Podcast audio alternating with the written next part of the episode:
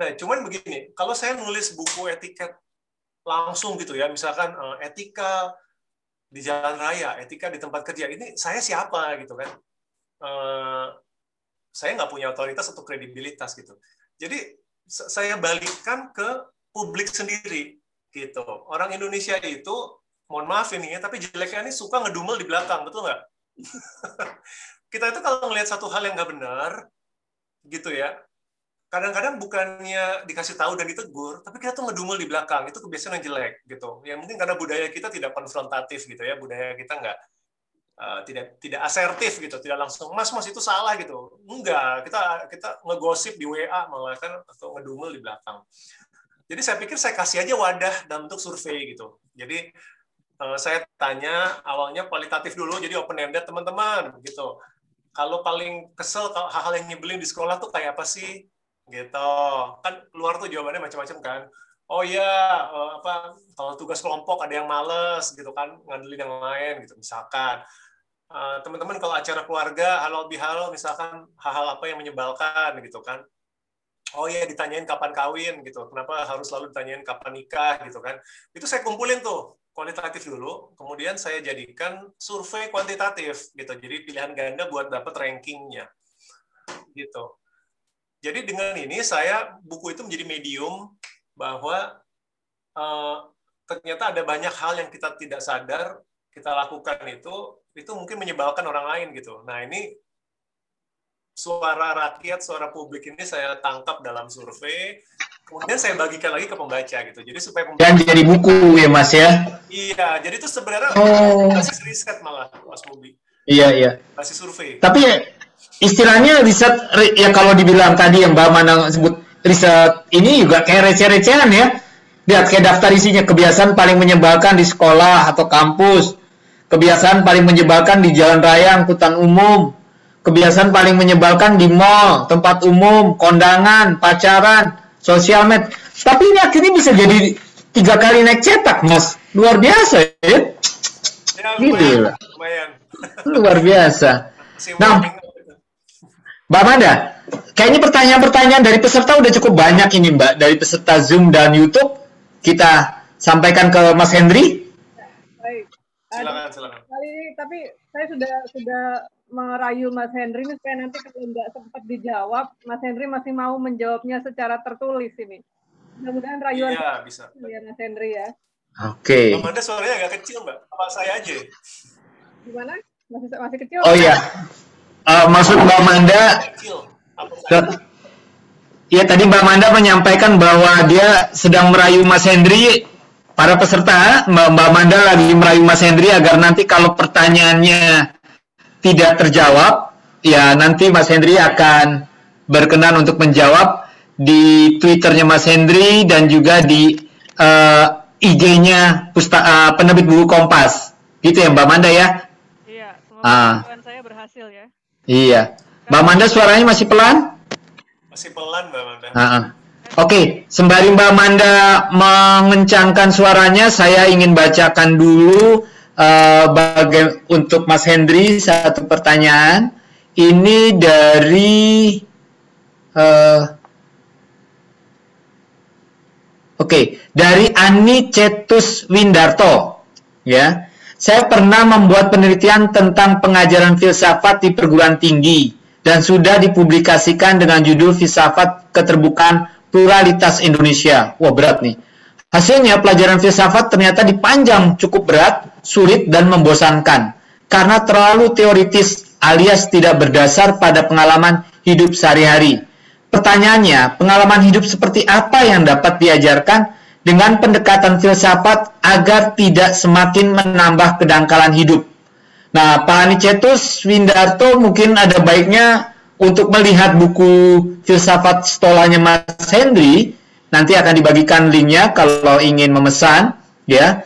Uh, dan juga para peserta lain, dalam kesempatan ini kita tidak membahas secara khusus konten isi dari buku-buku Mas Hendri, tetapi proses kreatifnya.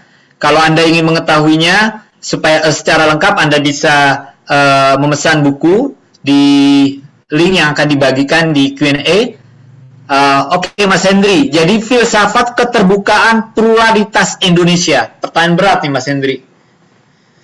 Uh, kayaknya pertanyaannya bukan soal pluralitas deh, tapi beberapa bukan. kalimat sebelumnya yang dia bilang tentang uh, bahwa ada survei bilang pelajaran filsafat itu membosankan ya kan? Betul. Nah ini saya bakal tanpa malu-malu menodong Romo Setio nanti dibuat nimbrung ya boleh ya. Oke. Okay. Romo Setio mengajar pengajar langsung gitu. Jadi saya rasa opininya penting untuk didengarkan. Uh, ya ini kalau kalau dari saya ya, um, secara prinsip umum dulu ya. Secara prinsip umum itu menurut saya uh, bedakan antara konten gitu ya dengan cara penyampaian gitu. ya. Uh, saya saya percaya hampir semua kali ya, saya, saya sangat percaya hampir semua konten itu bisa disampaikan dengan menarik gitu. Ya. Semua konten itu bisa disampaikan dengan menarik. Dan saya rasa teman-teman bisa ini deh, inget-inget masa waktu di sekolah ya nggak sih? Pasti punya guru favorit kan? Dan guru favorit itu kadang-kadang bukan karena pelajarannya gampang ya nggak sih? Uh, pernah nggak dapat dosen atau guru itu yang sebenarnya pelajarannya susah tapi disampaikannya itu menarik gitu. Uh, jadi secara umum dulu ya, secara umum dulu saya percaya uh, topik apa pun bisa disampaikan dengan cara yang menarik gitu ya, yang yang yang relevan gitu. Nah itu secara umum. Nah ini sekarang sedikit spesifik tentang filsafat. Ini juga satu alasan kenapa saya menulis gitu. Uh, memang persepsinya kalau dengar kata filsafat tuh orang tuh jiper duluan gitu. Kalau kita bicara orang awam gitu ya Nah ini makanya menarik nih kalau Romo Setio nanti karena Romo Setio mengajar di sekolah tinggi filsafat gitu. Jadi malah orang-orang yang udah niat mendaftar di uh, sekolah tinggi untuk belajar filsafat. Tapi kalau untuk publik itu kadang-kadang kata filsafat itu terbebani dengan persepsi yang macam-macam yang menakutkan gitu ya, bikin pusing. Uh, dan gini loh, dan sebenarnya itu ada mispersepsi bahwa filsafat itu tidak ada hubungannya sama hidup saya sehari-hari. Saya pikir itu yang paling berat kayaknya, gitu.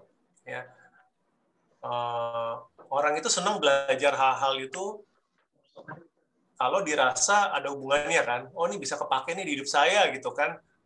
Uh, misalkan saya nggak tahu sekarang semua orang lagi hobi tanaman gitu ya. Jadi mau membaca konten tentang tanaman apa nih yang bisa bikin saya kaya raya gitu uh, dan lain-lain gitu. Tapi filsafat itu apa hubungannya sama saya gitu?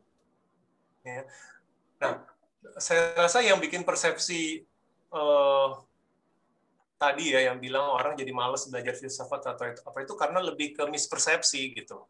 Jadi dipikirnya ini adalah topik yang mengawang-awang, topik ini hanya hanya topik yang cocok itu buat didebatin doang gitu. Oh ini mah topik topik buat orang-orang serius kali ya. Hanya buat berdebat doang gitu. Nggak nggak ada relevansinya nggak ada aplikasinya gitu.